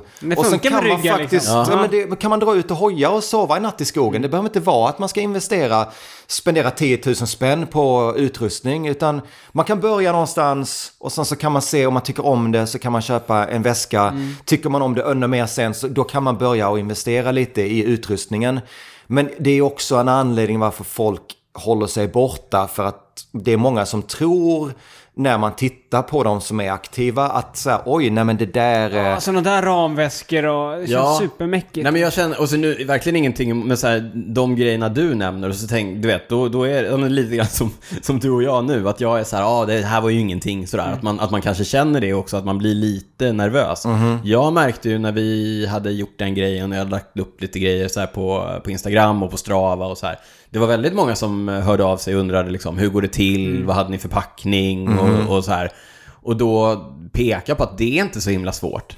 Och det behöver inte vara så Nej, krångligt. precis. Om, om ni går in och kollar på min Instagram så är det, det handlar mycket om bikepacking och om att sova i naturen. Och jag, jag har sista sju åren tror jag har sovit utomhus varje tisdag. Och, eh, och bara cyklar ut i naturen, ofta själv. Och packar lite olika, och där är jättemånga olika konstellationer. Ja, ibland är det en ryggsäck, ibland så är det panniers, ibland är det bikepacking-väskor. Men det finns inte riktigt något facit. Ibland är det bara ett, en stor pakethållare fram och sen så slänger man på en, en Ikea-påse typ med lite gott i. Och sen så kan man sova i naturen. Nej men det behöver inte vara svårare än så. men och, så, menar, tror- speciellt, och i Sverige med allemansrätt och med liksom diverse Ja, naturreservat som ligger nära stan och sådär. Mm. Här Olika kom- städer, här, även på landet. Här kommer nästa så här, okej man, ska, man ska ha lite mer eh, visibilitetstänk. Man ska också sova utomhus lite oftare. Det här är nästa grej. Ja, det, det, det tycker jag alla ska göra Vänta, vi har också. tre grejer nu, jag måste bara påminna. Först är eh, ta tjänstledigt och cykla i ett år. Ja, just det. Eh, nummer två, se till att synas i trafiken. Ja. Och nummer tre, sov utomhus oftare. Mikrodosera utomhussovning och cykling. Det, det, kan vara, det kan vara i Stockholm och bara cykla ut på Nackareservatet och sova i skogen med en polare. Det är det jag gör mycket, att, att tröskeln är inte så hög för mig. Jag har, jag har ofta en cykel halvpackad eller sådär, jag har en väska på jobbet. Sen drar jag och köper en burrito, ibland en öl och sen så drar jag upp i skogen och lägger mig och sover i naturen och tittar på stjärnorna på tisdagskvällen. Och sen så på onsdag morgonen cyklar jag in till jobbet igen och är så jävla hög på livet. Och har Det låter ju så jävla och- nice. Ja, Jag bara, jag ska också göra det. Niklas kommer aldrig göra det här. Ja men då behöver det inte vara att man ska nu, okej i april ska vi dra till Mallorca och innan dess händer ingenting. Utan då kan det vara Nej, att, här, det. ja men tisdag eller en, en söndagkväll till och med att man, man säger hej ska vi dra ut i naturen och bara lägga oss där. Mm. Och runt, ja, men runt Stockholm, överallt i Sverige, det, det finns så mycket härliga, vackra, trygga miljöer där man faktiskt bara kan dra ut och, och få en liten naturkick. Jag är lite peppad. Ja, jag blir Du också vet, en mil utanför stan. Ja, ja. Skitenkelt. Ja. Vi, jag måste säga det, vi, eh, ja men du vet, vi var jag var cyklade igår med en eh, polare. Vi körde landsväg och var liksom fullkittade som eh, vi naturligtvis alltid är. Vi cyklade förbi en snubbe utan vid Hellasgården. Som, och jag, jag noterade, för han stod i ja, men så här, t-shirt, cykelbrallor, joggingdojor tror jag. Och så stod han och rökte. Men han hade en gravelhoj bredvid sig. Och så körde vi förbi honom, han stod och väntade på någon liksom. Och så körde vi, körde vi på och sen så var vi nere på Vissvassvägen. Har du koll på Vissvass? Vid Tyresö. Ja. Då kom vi kapp honom och en polare. Så att, och då, med ryggsäckar och den andra var kittad på ungefär samma sätt liksom. De var ute och körde på varsin eh, gravelhoj. Eh, på väg in i, liksom, i skogen och med ryggsäck och, och allting sådär. Och sen så kom vi fatt dem igen för att de körde en genväg genom skogen och vi körde asfalt eh, runt och sådär. Så hejade vi på dem och det var så här trevligt så. Men, men det, var, det som slog mig var väl liksom att de såg ut att ha så jävla kul. Ja. Du vet, så här, det var gympadojor och det var, det var shorts och t-shirt och det var ryggsäck och det var... eh, Ja, men, det, det lustiga var ju att de hade ju fetare hojar än vad de hade kläder och, och utrustning. Men såg ut att ha det så jävla kul. Sen kan man ju kanske skippa cigaretterna. Men, men, men det är väl upp till var och en. Jag En del av upplevelsen kanske. Ja, ja, ja, varför inte? Jag tror det viktigaste är att man inte är så ängslig och att man, att man gör upplevelsen till en egen, sin egen. Ja. Att, att man, man, eh, man trivs med det man gör, man ser ut som man vill och, ehm, och man gör det efter sin egen förmåga och plånbok också. Behöver inte sitta och vänta till man har sparat ihop till allting Nej. och sen köra för att sen kanske inte tycka om det. Nej. Ja, Utan det är trist. sänk tröskeln, testa på det och, och ja, misslyckas. Men just som du sa, man kan ju köpa med sig mat. Alltså man behöver inte fixa stormkök och hela den grejen liksom. Visst. En burrito. Sen Ja. man... Kör, kör, köp en pizza, rulla ihop den till en rulle. Ja, Stoppa den i, i bakfickan ryggfickan. och sen så dra ut så slipper man ha med sig hela köket. Men min svindyra tröja från ett märke vi inte behöver nämna i en färg.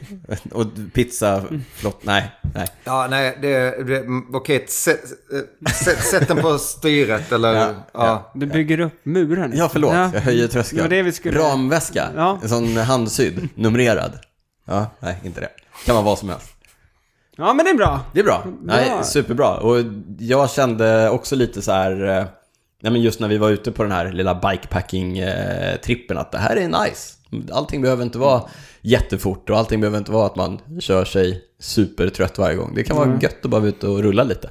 ja men man, det, finns all, det finns så mycket facetter i, i äventyrscykling och i, i gravelcykling. Man kan verkligen dra ut och, och uh, hoja skiten ur sig bara för att få träning. Men det är också den här... Det är ju ett otroligt härligt verktyg att ha en, en gravelhoj för att man kan liksom... Man kan hoja asfalt dit och sen så kan man hoja grus till med mountainbike-stigar och single track och allting och sen så kommer man ut i naturen och sen bara är man där. Och det är att, att, att det är själva resan som är eh, lika viktig än att bara komma någonstans. Ja. Mm. ja. Ja. Mm. Du, jag måste bara ta upp det här. Du jobbar ju med Peter Sagan. Och hans, nu, tvära kast. Jag bara kom att tänka på det. Så jag Apropå äventyrscykling, han Ja. skulle börja, han skulle Han byta ska lag. Gravel. Ja, ja, ja, han ska byta lag. Men eh, du, eh, berätta vad du gör. Du gör ju eh, specialkollektioner för Sagan med diverse grejer. Mhm. Jag har ju lett eh, ett litet team som har eh, utvecklat Sagans egen produktkollektion. Sagan Collection. Och jag har jobbat, jag har gjort fem kollek- kollektioner åt, åt honom med olika karaktär. Och Men då är det, det är skor, hjälm och eh, lite sådana grejer. Cyklar, skor, hjälm, Cyklar eh, kläder, eh, precis. Det är lite topp till tå tänket. Hur nära jobbar du med Peter? Eh, han, han är ju alltid med. Eh, han är alltid med och godkänner allting. Han är alltid med i uppstarten. Har han några liksom input eller? Absolut. Lyssnar ni Absolut. på honom? Absolut. Ja, det måste vi göra. Ni lyssnar och sen så... Absolut. That's a great idea Peter, but... But eh, uh, we think maybe... Ja, nej. Alltså det, det, det beror på hur, hur, ehm, man, hur bra man presenterar själva grunden. Det finns ju alltid en grundidé ofta. Och, och eh, ofta är det lite att man presenterar idén sådär. Så här, Okej, vi, har, vi har tre spår här. Vi vill göra en ny kollektion. Vi kan gå A, B eller C. Vad Så tar man temperaturen och så säger han C. Okej. Och sen snackar man om det och, och det är ju ofta mycket så att man spenderar tid. Första gången jag träffade honom så flög jag faktiskt till uh, Sierra Nevada i Spanien där de var på höghöjdsträning med, med bara och spendera en hel vecka med honom och bara eftermiddagen bara sitta och snacka om, om eh, Dodge Charger 68 eller 69 och guld eller svart och, och prata om om favoritmusik och prata, alltså bara vara och hänga som två polare och gå och dricka en öl och sådär och, och verkligen lära känna varandra för att och kunna få göra bättre jobb sen i slutändan. Och sen när man känner varandra så kanske det blir enklare. Lättare det blir, nästa det, gång Det blir och- inte ja. så här mycket att man, att man fumlar lite i mörker för att man vet inte riktigt vad som känns rätt. Men sen, sen nu under coviden har det också varit att man får ta allting på, på eh, Zoom och via skärm sådär. Och då, då får man ringa upp honom i Monaco och säga du, ehm, titta nu här. Det A eller B, vad tror du här? Någon feedback, vad tror du? Um, och när man kan träffas på plats så är det ju mycket mer att, att snacka, titta på det här pigmentet, här har vi hittat någonting som är skitspännande som eh, det är typ regnbågar eller det här är självlysande och det här skulle vara knäppt, tycker du om det? Och sen har han också väldigt mycket eh, opinioner och eh, ganska bestämd om vad han själv gillar. Så att det, det är jätteroligt. Eh, Superskoj att jobba med vilken atlet det än är, är det, är det faktiskt. eh, De är ju väldigt speciella människor ofta. Väldigt drivna och, eh, och ibland egocentriska och svåra att jobba med, men det är också en utmaning. Men Peter är skön, han är, han är, han är, det är skoj, det är vänskapligt och ja, men det är som att sitta och, och blaja med en polare. Ja, kul. Han byter ju lag till nästa år. Total Direct Energy. Franskt lag istället för Bora. De är inte World Tour ens. De är inte World Tour, Nej. men eh, Specialized hakar på. Eh, ni, eh, we go way back. We go way back, ja. Spännande. Ja, men Peter är, är lite mer av en familjemedlem nu så att när, när han känner att han vill bryta, byta och bryta så, så hänger vi med. Eh, jag tror det är så med Specialized i allmänhet att är man väl inne i innersta kretsen så då är man, då är man en kompis. Det är ju intressant, det är inte många, det är inte så många cykelföretag i, på den nivån som följer med atleter. Nej, precis. Men det är ju också, vissa atleter är väldigt speciella. Jag kan säga som Tom Bonen var en annan sån som också var med väldigt länge för att han var, han är fortfarande en, en kär eh, familjemedlem och många atleter har, är, är jättebra på att ge feedback och är med i utvecklingsprocesserna och och ehm, har man en sån relation så, så är det, är det vi, mycket viktigare att, att ha kvar den relationen än att Ja, men då spelar det ingen roll om det är vad det är för nivå på laget eller om det är helt nytt som i det här fallet. Eh, Då är det viktigare att, att, att ha kvar Peter i, i familjen och, och, ehm, Ja, det, ska bli skitspännande verkligen. Jag, jag tror ju att, eh, att eh, byte är bra också. Men ni hoppas på en Cavendish-effekt? Ja men jag, ja, verkligen. Ny- Han, det, var, det är ett bra exempel på att se hur någon som kommer in i en ny kontext kan blomstra igen. När man får, man bara, man ömsar lite skinn och sen är det någon som tror på en. Kanske någon ny, någon ny idé om träning eller bara så här, vi tror på det. Kör nu så det ryker. Och det hoppas vi, hoppas vi på Peter också, att han, han får en ny pepp. Sen tar han med sig hela sitt entourage. Så att Ja. det, det blir ju också liksom spännande att se vad som kan hända där. Med För- laget, liksom, alla. Franskt gäng med hans entourage. ja. Ja, som är Sagan och oss och Ja, men han har ju också Sonjör och så han har väl någon PR-snubbe som är med. Absolut, det, precis. det är inte bara cyklister. Nej. Nej. Nej. men det ska bli spännande att se. Och så Erik då. Och så är det, ja. Ja, precis. Ja, Nej, det blir grymt. Hörru, ska vi... Nej, Jag vill bara fråga en sak. Okej, okej, okej. Peter, han är ändå på liksom slutet av sin karriär. Eller? Vad säger du? Ja, Ja. men jag säger så. Okej. Vem blir nästa stora posterboy efter Peter? För? Ja, jag hoppas ju att det är en kvinna framförallt. Istället Poster girl. för en, precis. Uh, jag tror eh, eh, eh, cyklingen i allmänhet behöver bli mer jämställd. Um, um, Det drar vi även en lans för här i podden, så ofta vi kan. Det är bra. Eh, sen så, jag vet inte, ja, det, det är svårt att säga. Det, det finns så... det händer jättemycket och det finns en otroligt stor pool av unga talanger. Men det är också lite så här blomman för dagen. Att det, det, någon blommar upp och sen så försvinner. och um, jag, jag skulle vilja se mer mångfald. Jag skulle vilja se eh, lite mer eh, eh, vi-känsla i cyklingen också. Vi Eh, jobbar ju med eh, bröderna Williams i eh, Legion of LA. Vi har gjort ett helt bonusavsnitt om, Mhm. eh, om det. Och det är ju ett bra exempel på någonting som kanske inte är liksom bara att, pres- nu presterar ju de, men kanske inte på den högsta nivån, utan Mhm. på en annan nivå. Men de har ju också en idé med Legion om att vara mer inkluderande och mer eh, diverse och så vidare. Ja. Är, du, är du inblandad i det någonting? Ja men absolut, jag är, ja, men jag är alltid med och trycker på bakifrån och, och försöker att göra Specialized bättre och mer inkluderande och mer intressant för, för många. Det är ju inte bara på elitnivå utan det handlar ju mer om att, att eh, bredda, bredda basen och mer miljötänk, mer inkludering och, och göra, göra en attraktiv för att man är, man är bättre för, för fler. Helt enkelt. Och inbjuda, bjuda in många nya cyklister till både sporten och eh, transportsättet och eh, motionsformen och vad det nu kan vara. Eh, Jag, jag trycker på mycket i bakgrunden, alltid. Jag, jag är lite en sån här, en, en vagel i ögat för... Jag, jag tycker för det om... vanliga. Nu, Ja, men jag tycker om att det blir lite obekvämt för att jag råkar säga någonting som så här, aj, det där gjorde ont. jag är aldrig rädd för att säga det som, eh, som faktiskt är ingen vågar ta i. Och som ställer till lite. Men nu hade vi den här planen på bara rulla ut de här, de här grejerna på det här sättet med de vanliga cyklisterna. Ja, men det kanske inte riktigt är... Ja, Mm. Ja, bra. exakt. Mycket bra. Ska, får, jag, får jag nu då? Gå vidare? Ja, just det, du hade något, Jag hade, ja. nej, men jag hade en liten grej. Jag tänkte att vi ändå skulle klämma in ett litet, litet prylsvep. Vi har pratat graveltrenden. Du kan inte vara utan Jag kan inte vara prylsvep, utan nej. prylsvepet, det är min, min grej. Men jag tänker att nu har vi ju liksom en, en riktig expert med oss, så då kan vi ju snacka lite. Mm. Adidas släppte i veckan en gravelsko. Vad Mm. heter, heter det någonting? Nej, en ny gravelsko. Ja, den påminner om en fotbollssko. Ja, en liten sån här strumpa upp på, Ja. på ankeln och sådär. Eh, Vad tyckte du Niklas? Det här är ett sånt återkommande jättebra eh, segment i podden när vi pratar om hur saker ser ut. Ja men om man kollar på de moderna fotbollsskorna så ser de ut så. Det är liksom en, som du sa, en strumpa som fortsätter upp över liksom. Ja, Ja. Men jag tyckte de var rätt coola. Men jag, det, mitt problem jag håller är... inte med. Jag tyckte inte de var så coola. Jag tyckte de var coola i sig, men jag har svårt att se hur man ska kombinera det med en snygg strumpa. Med en strumpa Mm. i strumpan. Erik, har du sett dem? Mm. Vad tycker du?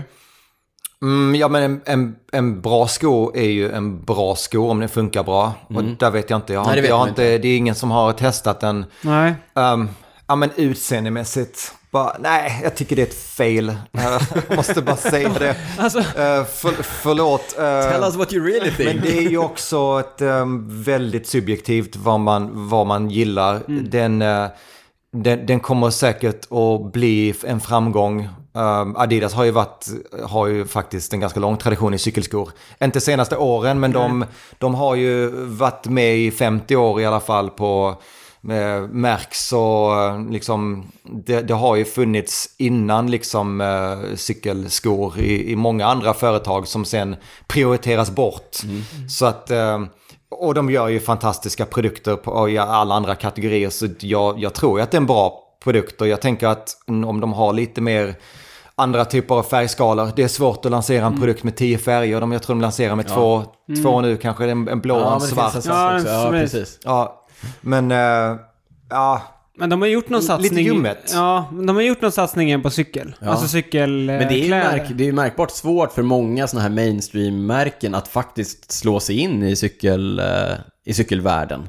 Alltså Adidas har ju försökt flera gånger men det har varit lite så konstigt och det är lite svårt att få, få flow på det. Nike har varit i, och doppat tårna och dragit sig tillbaka och sådär. Det verkar svårt för dem.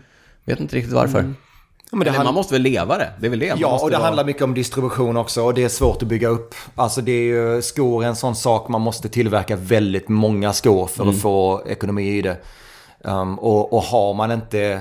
Alltså man, man måste ha stamina när man lanserar en, en, en ny varumärkesgrupp. Man måste tänka kanske tre fyra år och sen mäta och se om det gick eller inte. Alltså att, att man har ett längre perspektiv på och, och det hoppas jag Adidas har. För jag, jag är ju fan av bra produkter och, och är deras produkt bäst så kommer det att gynna oss också. För då kommer vi behöva att vässa klorna och, och tänka om. Så jag, jag är alltid fan. när- All for, ja.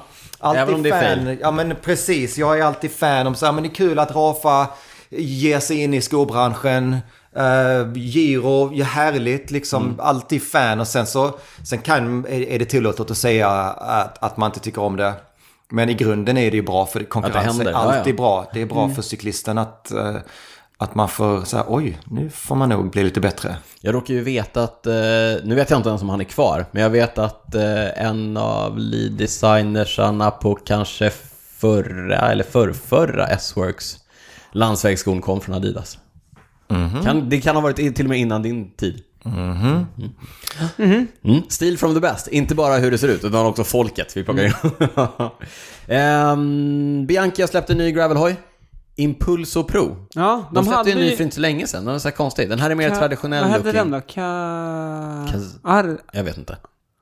Nej. Dåligt researchat Niklas. Mm, dåligt Ja. research. Impulso Pro. Du, du har skrivit någonting roligt här. Big clearance, big possibilities. Och max eh, däcksbredd var 38 mm. Exakt. Not so big clearance. Ja, Jag vet inte riktigt hur de tänkte där. hur breda däck kör du på gravel?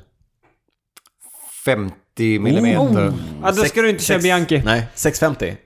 Ja. Nej, 700. Nej, sju- oj, och 50. Ja. Det, På min That's a Diverge lot. nu har jag, har jag 50 mm däck. oj, det är jättemycket. Mhm, med lågt, lågt däckstryck. Ja, tubeless. Det är mysigt, absolut. Absolut tubeless. 100 procent. Jag är inte... Niklas är Nej, inte där. bara på Jag crossen. Mm. Jag kommer återkomma till tubeless här på eh, vad jag inte har kunnat släppa. Det var det för prylsvepet. Ja. Jag tänker också att det var det för eh, avsnitt 100. Mhm. Ja, eller har du något du vill Nej, tillägga? tiden går fort. Tiden går tänkte jag. otroligt. Vet du vad vi glömde prata om innan? Kommer du ihåg Patrons? Just det. Ja, det glömde vi. Ja, det gjorde vi. Ja, så vi var så exalterade. Vi Ja, har ja, en vet, gäst från gäst. USA. Ja. Vi brukar säga att eh, man kan stötta podden genom att bli Patreon. Då går man in på patreon.com eh, cykelwebben-podden. Har vi fått några nya? Ja, men eftersom det, det har bara gått Det en bara vecka. kort. Ja, Ja. så det har bara kommit en. En enda ny? Ja, var Johan. Dahlberg. Stort, Stort tack, till Johan. Mm. Erik, har du någonting du vill tillägga innan vi, vi rappar upp avsnitt 100? Ja, men jag tror um, återkomma till att man ska, man ska eh, mikrodosera eh, det man älskar och um, hellre, hellre ofta än, uh, än sällan och episkt. Uh, bryt ner saker i mindre enheter och sen så kör lite hela tiden. Det tror jag är mycket mer sympatiskt och mycket mer lättillgängligt. Sänka tröskeln. Sänka tröskeln. Och sen hade vi tre viktiga. Ja, det var ju mikrodosera var den tredje. Se till att synas i trafiken var det första. Mikrodosera, sova ute var ju tre. Jag sov ute. Ja, men, nej, men vi hade, vad var den första då? Nu, Ja, det var ju att man skulle ge sig ut på en eh, Ja, just det, cykel... just det. eh, så Ett cykeläventyr. Be om tjänstledigt. Ja, tjänstledigt, Ja. cykla ett år. Ja, det är Alla. skitläskigt och eh, be om tjänstledigt. Eh, man sover inte natten innan, men sen när man har gjort det så är det skit Härligt. Nice. Tänk på det Niklas, du ska börja ett nytt jobb imorgon. Gå stega in till chefen. en möte vid 9.30 imorgon Ja. bitti. Hej! Hej! Jo, det var en grej. Vi hade en gäst i podden igår och... Jag känner att... Eh, ja, nej, kanske inte. Livet är för kort för att bara drömma om vad man ska göra. Man kan, man kan faktiskt dö i sömnen i natt. Och eh, Mm. därför ska man alltid dricka kaffe sent på kvällen. Och man ska alltid, Så man inte somnar, ja. och man ska alltid äta den där extra chokladkakan-biten. Och eh, man ska ta tjänstledigt. Här, härliga avslutningsord ifrån Erik Norlin. Eh, Vi påminner om att vi finns på Instagram, där heter vi Cykelwebben. Niklas, du finns på Instagram, heter Niklas Hasslum. Jag finns på Instagram, heter D. Rytz. Följ oss på Strava om ni vill. Erik, du finns också på Strava. Mhm. Vi... eh, Har du öppet där eller? Kommer du bli sur om massa försöker börja följa dig nu? Nej, det är redan en massa som följer mig. Och jag vet inte vad jag ska göra av den riktigt. Kudos. Kudos till er. Eh, vi påminner också om att Bravur är med och sponsrar med sin Vuelta-klocka och sin Grand Tour Chronograph Series. Eh, superläcker är den. Niklas lägger upp massor av bilder på cykelwebben.se. Använd eh, rabattkoden CWP om ni är sugna på att köpa en eh, klocka.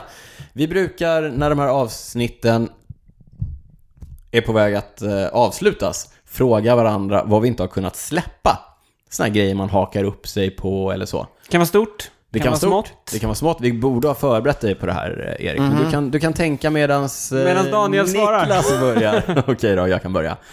Jag var ute och cykla i eh, fredags. Eh, skulle hoppa upp på... Jag tänkte så här, ja det är dumt att vara i trafiken. Även om jag hade min orangea hjälm. Så jag tänkte, här är ändå en snutt cykelbana som jag kan cykla på. Skulle cykla upp på cykelbanan, var det naturligtvis grus där. Hörde, du vet så här, man känner ibland man cyklar på någonting och hela cykeln flyttar sig i sidled. Och så small det till lite grann och jag tänkte, det där var inte bra. Hoppade lite på bakhjulet som man gör och så känner jag att nej, det där var nog lite för mjukt. Hoppa av. Ja, det var punka. Och jag kör ju tubeless. Just det. tubeless. Och eh, det var för stort hål för att det skulle eh, täta med tubeless-vätskan. Så jag skulle då försöka laga det hela. Lång historia kort. eh, Min eh, däcksavtagare som jag hade med mig var alldeles för klen. Jag fick inte av däcket. Det var ju pinsamt för jag tycker ändå att god kar reder sig själv och så vidare. Fick eh, promenera till närmsta cykelbutik. Stort tack till TCM, tidigare annonsör i Cykelwebben-podden. Tyresö cykelmagasin. TCM. De hade starka däck av... De hade mycket, mycket bättre däckavtagare. Pedros tror jag de hade, som jag fick eh, låna. Ja, inga problem att få av däcket, slängde in en slang. Eh, blev lite stressad, vet folk tittar på om man ska på med Ja, däcket. du har och gjort det hundratusen gånger men ändå. Exakt, nu Ja. blev jag ändå lite nervös och sådär. Ja, ja, fick på det i alla fall, i med slangen, det funkade bra. Men vad har jag inte kunnat släppa då? Ja, men du vet så här, okej nu har jag ett däck med slang i, det ska vara tubeless, ska jag fortsätta med tubeless, ska jag gå tillbaka till slang, vad ska jag köpa för däckmodell?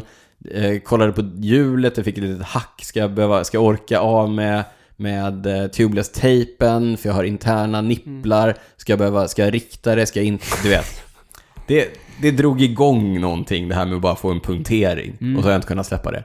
Varför är det så här? Och så- vad, vad landade du i då? Eller har du Nej, jag har landat? inte landat än. Nej. Nu har jag kört två pass med slang i. Känner ju ingen skillnad naturligtvis. Nej. Men det är ändå... Ja, ska fundera på det. Du har för dyra hjul och för tajta däck. Det kan ligga någonting i Det är det. kul att det är alltid Continental som är inblandat när det är för tajt. Ja, Continental gör eh, små, små däck. Jag fick punka på ett par eh, Specialized däck däremot på min trainer. De lyfte jag ju av utan däcksavtagare. Jag var bara så här. Så. Blås av dem. Ja, sådär. Men de sitter ju ändå bra när, de, när det är luft i. Mm, Det var det. Jag har inte... Det är sådär, materiella ting. Det blir jobbigt när det knasar. Och som vi brukar säga med tubeless, funkar hur bra som helst. Tills det inte gör det. Mm. Då är det bara strul. Just det. Niklas, vad har du inte kunnat släppa? Ja, men jag har ju beklagat mig några poddar här inför att, att jag helt kommit av med, med träningen. Ja. Men så tänkte jag så här, nu... Sommaren är över. Mm, Jag har njutit för länge. mm, Nu får jag faktiskt ta och börja, börja röra på mig. Framförallt för att jag mår mycket bättre när jag rör mig. mm. När jag rör på mig. Eh, men det är alltid så... Tröskeln, jag har snackat om. Tröskeln är så hög att komma igång när man inte rör på sig. mm. Men så tänkte jag så här, men jag börjar, apropå mikro här, liksom, jag börjar bara med någon liten... Mikrodoserad träning. Ja, jag började i och för sig med att springa 10 km fort. Mm. Men sen, och då fick jag ju såklart träningsvärk. Men så tänkte jag, okej det var ju dumt Mm. att börja liksom så hårt. Så då började jag jogga med min son, han skulle cykla upp och bada. Mm. Joggade 4 km. Dagen efter... Cyklar han fyra kilometer? Ja, ja. Alltså vi har tränat hårt tillsammans. Ja, imponerande. Dagen efter cyklade han 6 km. Oj. Då sprang jag också bredvid. Alltså Ja. väldigt lugnt så. Men sen har, vi redan, då har jag redan fått tre pass. Ja. Och sen kommer fjärde, igång. femte. Och nu Och är du är jag ju igång. lättränad också. Irriterande lättränad. Nej. Nej. Jag är så lättränad. Ja, det är du. Ja, kanske är Störigt. Ja. Det är Ja, bara ja. för du är olättränad. Ja, så, så min, eh, min spaning var då att ibland så liksom man kan börja, lite som Erik var inne på här, med mikrogrejer. Man behöver liksom inte slå på buller och bång när man Mm. Nej. ska dra igång. Man Liksom. behöver inte vara så här stressad över att åh, jag har inte kört 18 sex timmars pass. Nej, man börjar lite och sen har man ett flow liksom. Ja. Så det är min, min spaning den här veckan. ja, skönt. Nu då? Han du komma på något bra, Erik? Ja, men, nej, men jag är ganska duktig på att släppa saker. Det mesta rinner av. I, med, med åldern kommer den förmågan. Men någonting som jag är pepp på, som jag tittar eh, på telefonen så fort jag vaknar på morgonen, är att Lil Wilcox, min, eh, min vän, hon är ute och eh, försöker bryta rekordet på Tour Divide just nu. Ifrån eh, eh, nonstop ifrån eh, Banff i Kanada till mexikanska gränsen. Och hon är ute efter att sätta rekordet, overall-rekordet, alltså män ja, och ja. kvinnor. Um, är hon ute och cyklar uh, uh, själen ur sig just nu. Det är alltså USA på höjden. Precis. Inte som Race Across America. Längs. Continental Divide. Ja. Alltså från norr till söder, rakt ner i ett streck. Mäktigt. Så det, men det du kollar på när du öppnar telefonen, det är en liten prick. Jag tittar på en liten prick. Jag tittar på en liten prick. Ja, Precis. en sån GPS-prick liksom. På trackleaders.com. Ja. Um, där, eh, det, och det här med dotwatching är ju ganska fängslande. Och Ja. det går inte att släppa när man väl har eh, gett sig in i det där. Det blir lite som eh, ett strategispel Mm. och tv-spel. Och eh, man sitter där eh, på morgonen och bara... eh, Antingen så blir man jätteglad eller så blir man, blir man ledsen. Inte så glad. Ja, men exakt. Hur går det för henne då? Nej men hon, det går jättebra. Lite skogsbränder och hon, hon cyklade in i en puma här i, Oj. i förrgår. Um, så hon fick stanna och uh, ja, det är också ganska vanligt. Men uh, ja, det går bra. Det går bra. Hon ligger före sin eget, hon har rekordet redan. Men Okej. hon ligger före sin egen tid. Jag såg, ja, men det är inte samma tjej, jag såg någon annan specialized eh, atlet som var på väg till någon sån bikepacking-grej och hennes cykel flög av bilen. Ja, det var Sarah Swallow Just det. och det var också Tour Divide fast eh, på, för 6-7 veckor sedan. Just det. Och cykeln flög av bilen på vägen dit. Japp. Sadelstaget gick av. Och då brukar man tänka så här, ja ja, det var ju trist. Mm. Men då lagade hon det. Japp. Och byggde om cykeln på, på en, en dag, typ. Mm. Eh, Vadå, hon körde silvertejp, eller? Nej, det var, hon hittade ju någon... Eh, Alltså kolfiber. kolfiber. En cykelbyggare som, Ja. han kunde, som kunde laga den och plåstra om den och sen så eh, härda den i någon liten autoklav och sen så eh, kom hon till starten Ja. med en, en, en ny omplåstrad hoj och eh, cyklade 480 mil. Gött eh, stresspåslagen då, Mhm. började sin 480 mil. Hur långt är det där Tour Divide? Det är 480 480 mil. Och vad vad är rekordet på då? Vet du det? 11 dagar. Nästan 12, 11 dagar och, och ja vad det nu är. 21 timmar. Ja. Det är inte att mikrodosera Nej, bikepacking. Det, Ja, det är- är Ja, maxidosera. det är full, fullt ös. Full on. Hon kan inte sova mycket då alltså. Nej, Det Men är... det är en tävling i att hålla på länge, så att säga. tre timmar per natt kanske. Uff. Ja. Ingenting för mig. Du, jo, du gillar ju att sova lite. Ja, det gör jag i och för sig. Ja. Men eh, ja, kanske inte i samband med att försöka prestera någonting på cykeln. Hörni, Erik, jättestort tack för att du eh, tog dig tid. Och Tack, hit. tackar. Fortsätt eh, njuta av Sverige Mhm. innan du eh, ska tillbaka till California. Mm. Kommer du flytta hem någon gång? Eller är det här hem? Mm, nej, eh, San Francisco är hem. Men jag kommer nog att flytta hit någon gång. Ja, Um, då ses vi. då ses vi. Ja. Ja, ja, då ska, vi, då, ska du, ut- då ska du ta ut oss i skogen Ja. och Ja. mikrodosera Då ska vi ut och sova. outdoors. Ja. Säljer de burritos någonstans här? Ja, det är dåligt med det. Har dåligt med Dåligt med burritos. Där har du Falafel. affärsidé. Falafel, mm. Det går också bra. Pizza går också bra. Ja. Hörni, stort tack för att ni var med oss i avsnitt eh, 100. Stort tack till 100! alla er där ute som har stått ut med oss i 100 avsnitt. Vi fortsätter vi med eh, 100 till. Vi Oj, säger oj, oj, det- 100 till. Ja. Vi säger som vi brukar. Ciao, ciao. Ciao, ciao! Erik. Ciao, ciao.